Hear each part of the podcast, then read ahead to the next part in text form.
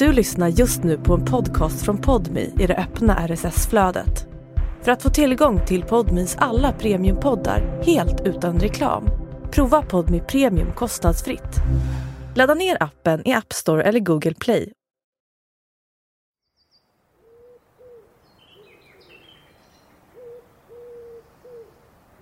Det är en kille som står med liksom pistolen mot huvudet och trycker liksom. Skådeplatsen är tallar och granar någonstans utanför Linköping. Jag minns så här äh, sinnesgrejer. Knarret i, i träden och någon fågel och tystnaden som bara finns i, i, i skogen. Vår huvudperson, Katrin Gardell, har tvingats ner på sina knän i den fuktiga mossan. Det här jag verkligen vaknar. V vad har jag gjort? Mannen med pistol kommer från ett rivaliserande gäng. För honom är Katrin bara en fiende som sabbade en vapenaffär och därför ska straffas. Jag bara känner liksom, vad, vart har jag hamnat liksom? Jag, jag riskerar ju allt. Det är bara halva Katrin han ser. Den andra Katrin har ett ordnat liv. Hon är snart färdig med sin utbildning och hon jobbar med att motverka kriminalitet. Hon kommer från en fin familj med föräldrar som älskar henne och har uppfostrat henne till att bli en god medborgare. Så vad gör hon här? På knä i skogen med en pistol tryckt mot tinningen. Jag sa, skjut skallen av mig. Bam, bam, bam, bam. Det här är Dubbelliv. Podcasten om våra hemligheter och lögner. Om verkligheten bakom den sminkade fasaden och stunden då allt raseras. Jag heter Hugo Lavett.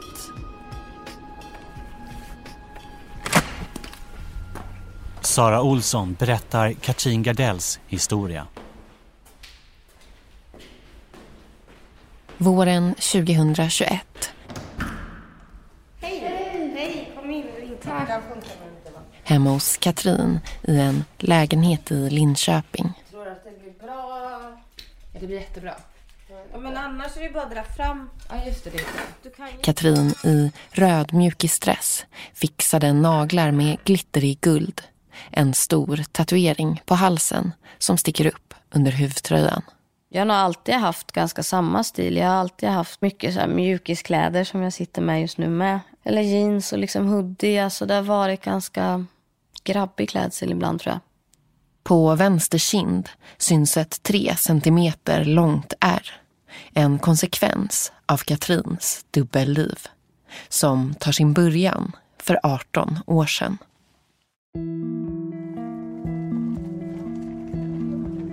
September 2003. Det är kväll. De första höstlöven ligger klistrade mot kullerstenen. Jag var på stan en helt vanlig vardag eftermiddag kväll. Det här var precis innan stan skulle stänga. Så klockan var väl typ sex, halv sex någonting. Och det var lite sådär skymning. Katrin är 16 och har precis börjat gymnasiet. Efter skolan hänger hon med en kompis på gågatan med butiker som leder genom centrala Linköping. Om jag hade varit på McDonalds eller någon sån här klassisk som var då så var man på väg och skulle gå till bussen eller något bara. De står utanför en klockaffär och snackar. Men jag hör nog liksom moppen. Plötsligt hajar Katrin till. En moped kommer körande i hög hastighet in på gågatan. På mopeden sitter två killar. De bromsar in bara ett par meter från Katrin. Varav en hoppar av och hoppar in i eh, klockaffären och slår sönder en sån monter. Det går ju fort, liksom det är ett rån. Smash and grab typ. Springer ut igen, hoppar på mopeden och sen åker. Det var ju så här, men gud vad hände? Mopeden och rånarna försvinner. Istället rullar en polisbil in på gågatan. En polis kommer fram till Katrin och frågar. Såg du något som vi kan ha nytta av? Det enda jag säger, eller det jag säger är att jag känner igen moppen. Okej, då vet vi. Där och då har Katrin ingen aning om att händelsen kommer förändra hennes liv. Det här är startskottet. Så vem är 16-åriga Katrin innan hon förändras? Ja, det är Sebbe. Jag ringer upp Sebbe, Katrins bästa vän. Jag och Katrin träffades för många år sedan. Vi var väl 16 år gamla. Så vi har känt varandra ett tag. Jag fick reda på henne via bekanta. Sen började vi skriva på internet. Katrin och Sebbe träffas genom gemensamma vänner i Linköping tidigt 2000-tal. De hänger på stan och när de inte ses skriver de med varandra på internetforumet Lunarstorm. Vad brukade ni göra tillsammans? Allt. Vi umgicks, vi var på fester tillsammans. Alltså, pratade. Daglig kontakt varje dag. Och hur var den Katrin som du kände? Normal, vanlig tjej. Snäll, omtänksam, sprallig. Lätt att prata med som sagt. Väldigt jordnära tjej. Med fötterna på jorden. Katrin växer upp med en mamma, pappa och en storebror i ett lugnt villaområde. En trygg miljö. Hon har haft det bra runt omkring sig. Det är det som är en chock. Hur man kan ha hamnat så snett. Det finns inget ont i en. Några veckor efter rånet vid klockaffären är Katrin på väg till fritidsgården för att träffa Sebbe. Så får hon syn på killarna med moppen. De kommer fram till Katrin och säger Ja, vi vet att du snackade med polisen. Och att jag typ ska passa mig. Så jag bara, va? Sen lägger jag inte så mycket vikt vid det. Ja, det var lite otäckt så här. Eller lite så här, okej, okay, haja till. Det fanns nog liksom inte i min vildaste fantasi att, att det skulle liksom bli som det blev.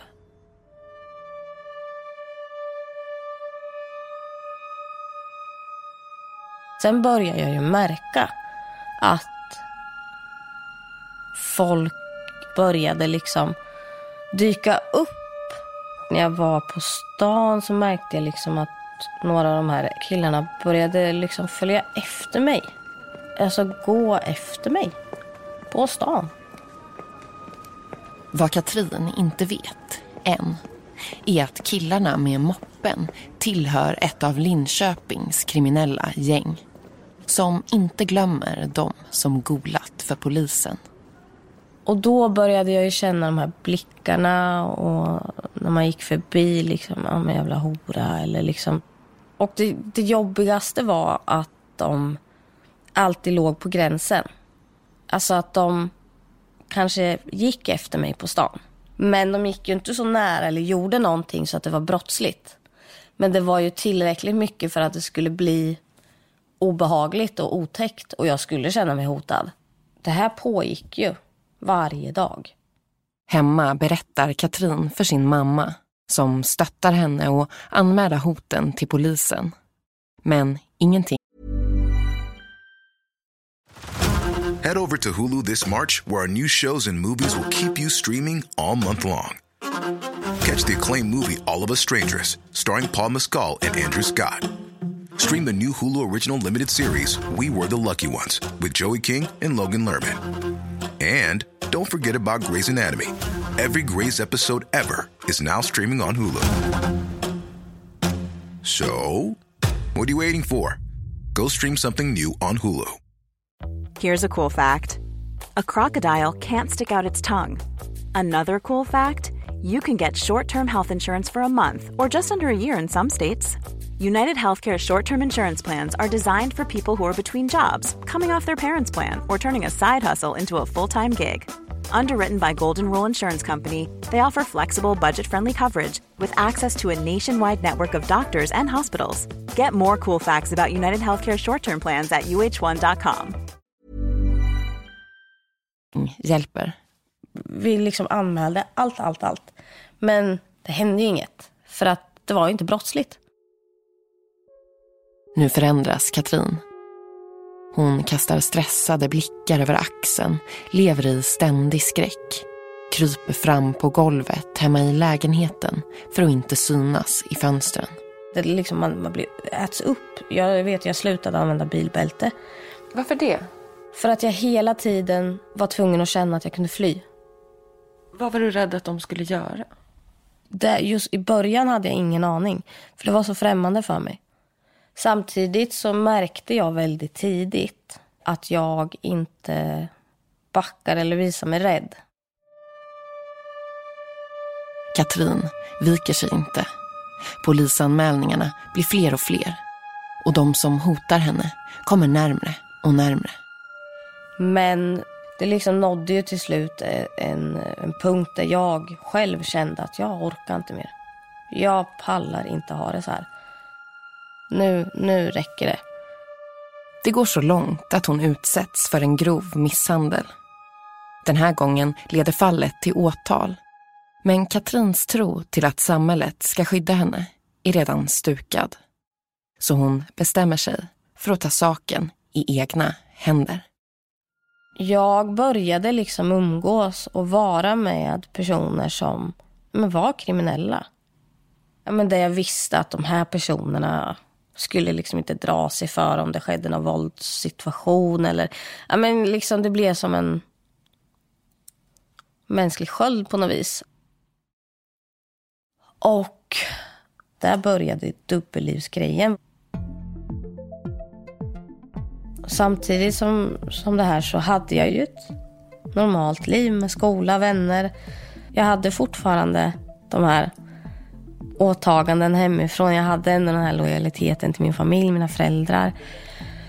Så jag fick det liksom att bara funka. Katrin står kvar med ena benet i en välordnad värld. Hoten från killarna med moppen och deras vänner avtar. Åren går.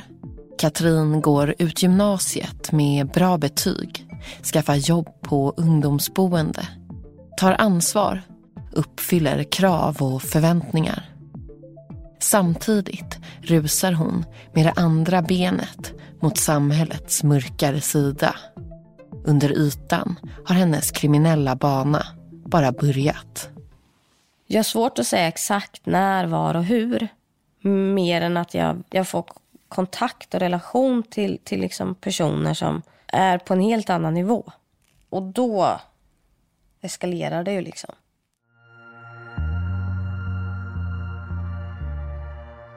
I Linköping med omnejd är det på den här tiden de traditionella mc-gängen som styr och ställer i den undre världen. De har namn som Black Cobra, Hells Angels, M16, Berga Boys, Outlaws och Bandidos. Till ett sånt gäng söker sig Katrin. Några av de här var ju liksom släkt och det har ju liksom varit kriminalitet i liksom släkten i säkert flera generationer. Och, ja, men uppväxta i, i utsatta områden där liksom, det här är liksom den enda vägen. Trasiga. Och hur passade du in där? Jag passade ju inte in utifrån min bakgrund eller mitt då liksom den situationen jag befann mig i. Men samtidigt så, så var jag ändå så pass men lite så här kameleont. Att jag ändå liksom passade in utan att göra mig till. Det skrämde mig ju inte. I gänget är Katrin med sin trygga Svensson-bakgrund på många sätt en udda fågel. Men hon är duktig på att smälta in. En kameleont. Anpassar sig lätt till den nya miljön. Jag var mm, smart. Rolig. Enkel. Driven. Som oskyldig tjej fyller hon en funktion. Smiter från polisen med vapen och droger.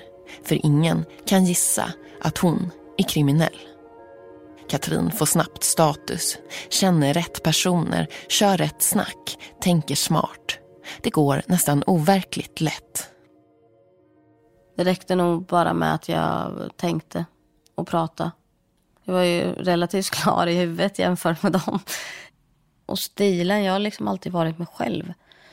Även fast jag är väldigt liten och söt tycker många och liksom sådär så finns det liksom en ganska hård och, och stark sida. Det har liksom känts som att det alltid har funnits två delar av mig. På några månader går hon från en nobody som aldrig varit i närheten av våld eller droger till en del av gängets innersta krets. Från den trygga villaförorten till hemliga lägenheter med neddragna persienner där hon är med och planerar grova brott. Det här nätverket ligger i konflikt med ett annat nätverk. Och i grunden handlar det liksom om eh, droghandel och ja, men visa liksom vilka som är störst. Alltså det är droghandel och med droghandel kommer vapenhandel. Det är liksom pengar, vapen, droger. Men det här är bara en sida av Katrin och den döljer hon väl. För samtidigt har hon börjat plugga till behandlingspedagog. Utbildar sig för att hjälpa ungdomar på glid. Jag behöver liksom en utbildning för att komma vidare eller för, för det här jag vill. Så du sitter typ i klassrummet på dagarna och på kvällen sitter du i någon slags headquarter och planerar? Ja. Va, vad säger du då till dina föräldrar till exempel? Jag tror liksom aldrig att jag ens tänkte att, att, de, att det är någonting jag skulle tala om. För det är så långt ifrån det, mig eller oss. Det är så fel. Det är inte okej. Okay. Katrins föräldrar är glada och stolta att hon börjat plugga.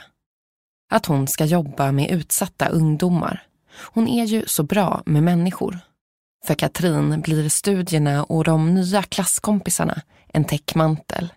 Och hon berättar inte vilka hon egentligen träffar efter skolan. Nej men jag sa väl att jag var med någon klasskompis eller alltså jag sa, och sen att jag kanske var med liksom de som hon visste att jag umgicks med. Katrin lever två parallella liv. Ett med ordning och reda och framtidsplaner. På dagarna i skolbänken. På nätterna driver hon fram i skydd av mörkret med det kriminella nätverket. Diskuterar strategier i ett våldsamt gängkrig om det vet familjen och vännerna i det vanliga livet ingenting. Vi var vänner. Bästa vänner, rättare sagt. Och sen eh, ja, utvecklades det till något annat. Under åren har Sebbe och Katrins vänskap utvecklats. De har blivit ett par. Bästa med Katrin är att hon är omtänksam. Hon bryr sig om folk. Hon vill hjälpa alla så gott hon kan. Sebbe har tillfälligt flyttat till en annan stad. Men de har kontakt varje dag. Ändå har han ingen aning om att det är något Katrin döljer. Eh, visste ju alltså väldigt lite. Vad säger hon till dig då att hon liksom gör när hon inte är med dig till exempel? pratar hon ingenting om. Ingenting? Nej hade aldrig några sådana diskussioner. Sebbe får aldrig se Katrins andra sida. Den tjejen, eh, nej, den har jag aldrig sett. Och vem skulle tro att den snälla flickvännen som pluggar och jobbar hårt också är med i ett kriminellt gäng? Nej, tills man fick reda på saker och ting hur det egentligen låg till. Men det ska dröja flera år innan Sebbe får reda på hur det egentligen ligger till. Det fanns ju hela tiden två liv. Jag hittade ju inte på något.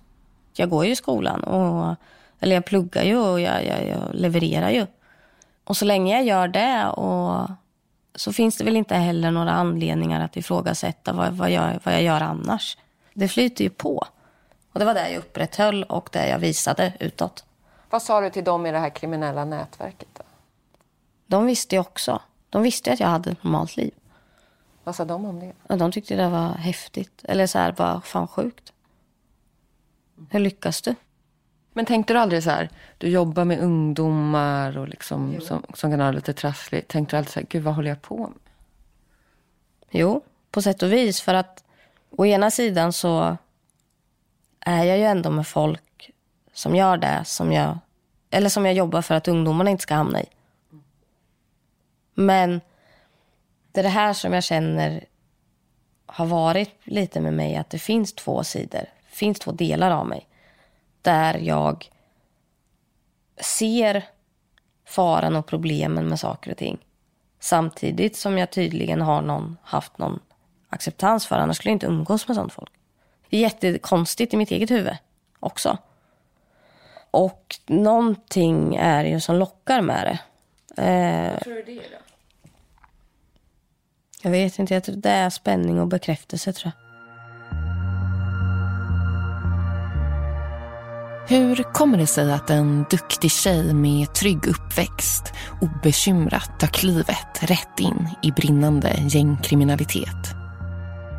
Enligt Katrin börjar hennes dubbelhet tidigt i livet. Men jag är ju adopterad från Indien.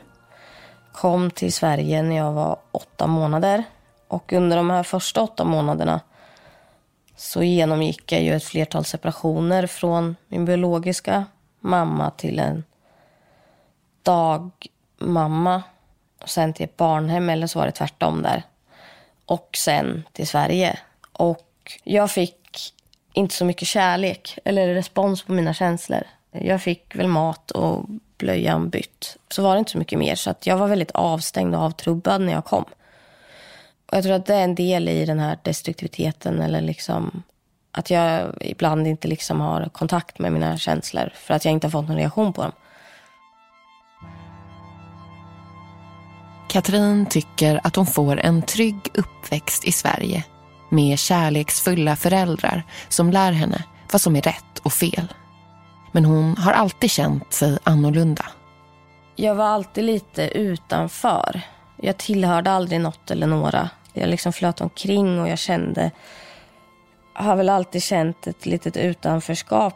Och, och det har nog med att jag är adopterad att göra. Och att jag växte upp i ett, ett område här i, i Linköping som är väldigt svenskt. Och det var egentligen aldrig ett problem så. Men det var ändå en känsla av att, att man var annorlunda. Men när Katrin tänker tillbaka finns det en händelse som mer än någon annan påverkat henne. Det som hände mig när jag var 14. Att jag blev misshandlad och våldtagen av en kille. Katrin anmäler våldtäkten, men ingenting händer. Hon tycker att samhället sviker och försöker stänga av det som gör ont själv. Som ledde till väldigt självdestruktivt beteende. Fysiska självskador. Två självmordsförsök. När hon går in i kriminaliteten tror hon att hon byter ut det fysiska självskadebeteendet mot ett psykiskt. Där hon utsätter sig för farliga miljöer och situationer. Försöker fylla det där tomrummet som hon tycker att hon alltid haft inom sig. Spänningen och kickarna hon får i den kriminella miljön blir som en drog.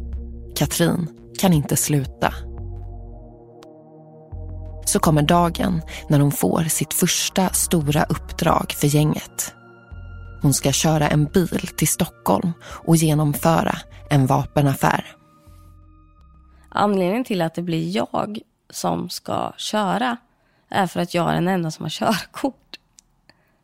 Ja men hallå. Jag håller på med droger, vapen, kriminalitet och är plötsligt, ja, vi måste ha en som har körkort som ska köra bilen.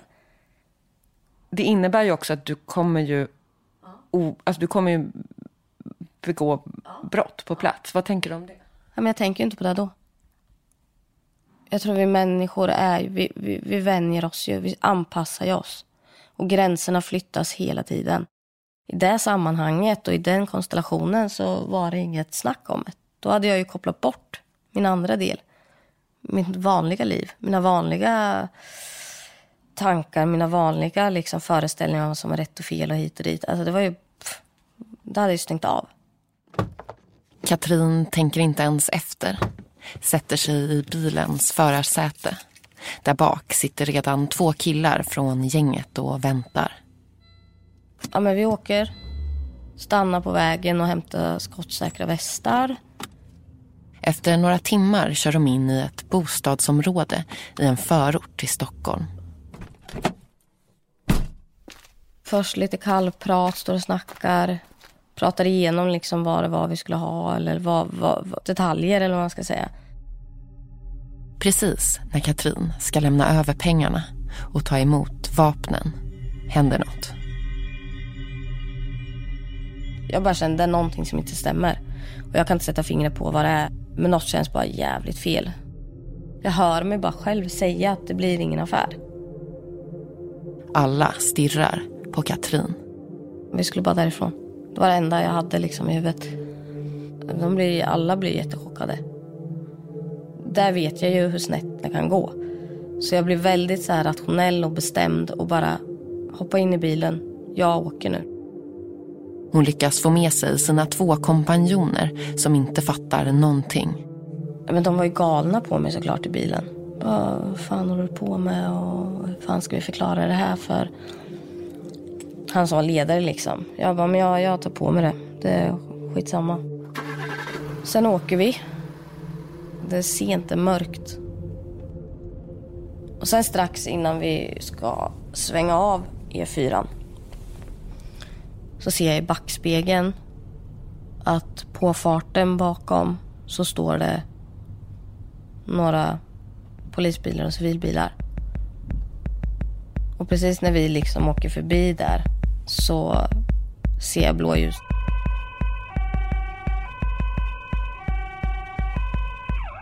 Tänker inget då.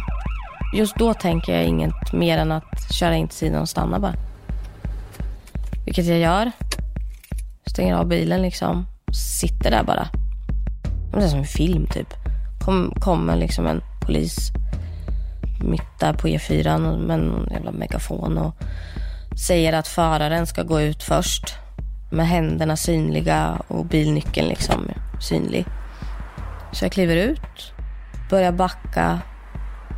Medan några av poliserna går igenom bilen sätter en annan handfängsel på Katrin och leder henne till sidan av motorvägen. Hon börjar liksom så här småprata och frågar typ så här... Ah, hur kommer det sig att du umgås med de här och vad har ni gjort? Och, och sen frågar hon liksom så här, vad gör du annars om dagarna? Och där så bara tänker jag själv liksom så här, ah, jag läser till behandlingspedagog. Det här jag verkligen vaknar. V vad har jag gjort? Vad har jag utsatt? Alltså, det är grovt vapenbrott, det är ju förberedelse. Vi snackar år på kåken. Och jag bara känner liksom, vad, vart har jag hamnat?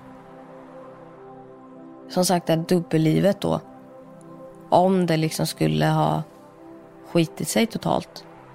Det är inget dubbelliv längre då. Då, då är det ute liksom. Vad, vad, vad är det som du riskerar?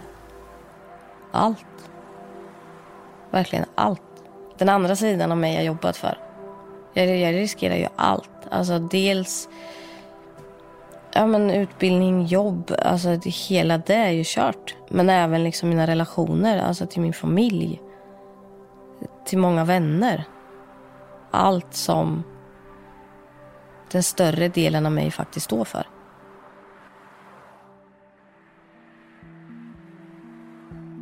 Det är som att Katrin fått en uppenbarelse. I hemlighet bestämmer hon sig för att försöka lämna gänget. Men det är lättare sagt än gjort. Det går inte bara lämna pang bom från en dag till en annan. Alltså det är liksom... Nej, det är inte bara att lämna. Och konsekvenser finns det gott om. Dessutom har det rivaliserande gängets ledare fått reda på att Katrin varit involverad i en vapenaffär. Vapen som troligen skulle användas i kriget mellan gängen. Nu vill han åt Katrin. Det, det som följde efter var ju den här konflikten eller den här vendettan mig och den här ledaren emellan. Katrin är på väg hem en eftermiddag när hon plötsligt blir överfallen och indragen i en bil.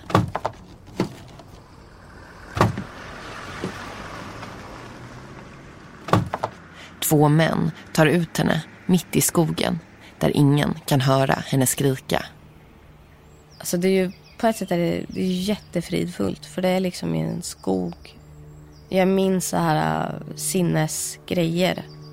Ljud, lukter, röster. Och det här klassiska liksom knarret i, i träden och någon fågel och tystnaden som bara finns i, i, i skogen. Hon står på knä. Jeanstyget blir blött av den fuktiga mossan. En av männen riktar en pistol mot hennes huvud. Det enda jag minns var att jag sa skjut skallen av mig, typ. Varför sa du det, tror du? För jag hade stängt av. Trodde du att de skulle göra det? Jag vet inte. Minnena är suddiga från eftermiddagen i skogen. Men inget skott avlossas den dagen. På något sätt blir Katrin körd tillbaka till stan och tar sig på skakiga ben hemåt. Och sen eh, bara liksom några veckor, några veckor efter där så, så sker det en uppgörelse mellan de här två nätverken. Med en skottlossning med, minns inte om det var en eller två som blev skjutna, skadade. Så att i och med det så splittras ju egentligen båda nätverken mer eller mindre. Flera åker ju in, några går under jorden. Jag, som sagt, hade ju pluggat klart. Alltså det här vanliga livet, det rullar på. Katrin är färdig behandlingspedagog. Hon lämnar gänget och kriminaliteten. Hösten 2017 börjar hon jobba som brottsförebyggare i Linköpings kommun. Och inför en konferens som ska ordnas på arbetsplatsen bestämmer hon sig för att hon vill föreläsa om sitt liv. När jag började då sitta liksom och skriva på det här och vad, vad är det jag ska berätta, vad är det jag vill få fram. Så var jag tvungen självklart att sätta mig med mina nära och kära och berätta liksom allt.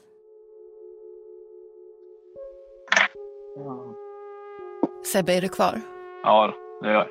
En av dem som under alla år blivit förd bakom ljuset är Sebbe. Det är klart man blir ledsen och undrar vad det är för människa. Som man har känt i alla år, så är det När Katrin sätter sig ner för att berätta sin stora hemlighet har de varit vänner i 14 år och ett par i sju av dem. Hur, hur reagerade du då? Jag var lite chockad såklart. Undrar hur man kan ha dömt det så pass väl. Utan att berätta. Man varit besviken. Som nu man, eller besviken, sen eh, ledsen. Varför hon inte har sagt någonting. Sen känner man sig själv hjälplös varför man inte kunde se det själv. Hur tror du att hon dolde allt det här för dig då i så många år? Jag vet inte. Hon eh, har väl någon förmåga att kunna skilja på saker och ting. Sebbe förlåter. Och han väljer att behålla bilden av Katrin så som han lärde känna henne. För att jag bryr mig om henne. Så nej, bilden av henne har aldrig förändrats. Sen har man blivit besviken och grejer, så är. Men bilden av henne, hon är fortfarande den tjejen jag känner. Den tjejen finns ju där. Sen är det bara en annan del som jag inte känner.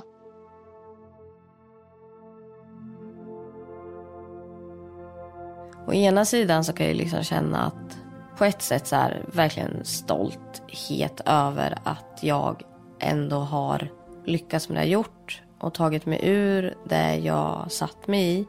och att jag ja, men, har familj, jag har barn, jag har jobb, jag har utbildat mig. Det, det var bra så. Samtidigt kan jag också känna en oerhörd skuld och skam. Att jag har lyckats dölja såna här saker. Att jag har kunnat vara så dubbel. Idag är Katrin och Sebbe gifta. Katrin har fått hjälp med att bearbeta allt som hänt. Hon jobbar på ett HVB-hem och med sin berättelse vill hon hjälpa andra som hamnat i liknande situationer. För att visa att man kan vara en person med flera olika sidor. Och man kan gå snett på vägen men ändå hamna rätt till slut. Först stod Katrin med vardera fot i två olika separata världar. Idag är hon en brobyggare mellan dem.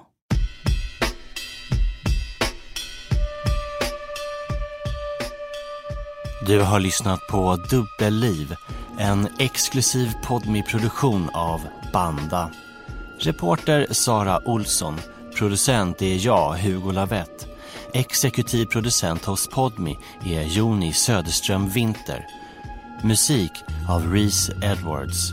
Mix av Elin Rosenberg. Har du en dubbellivshistoria att dela med dig av?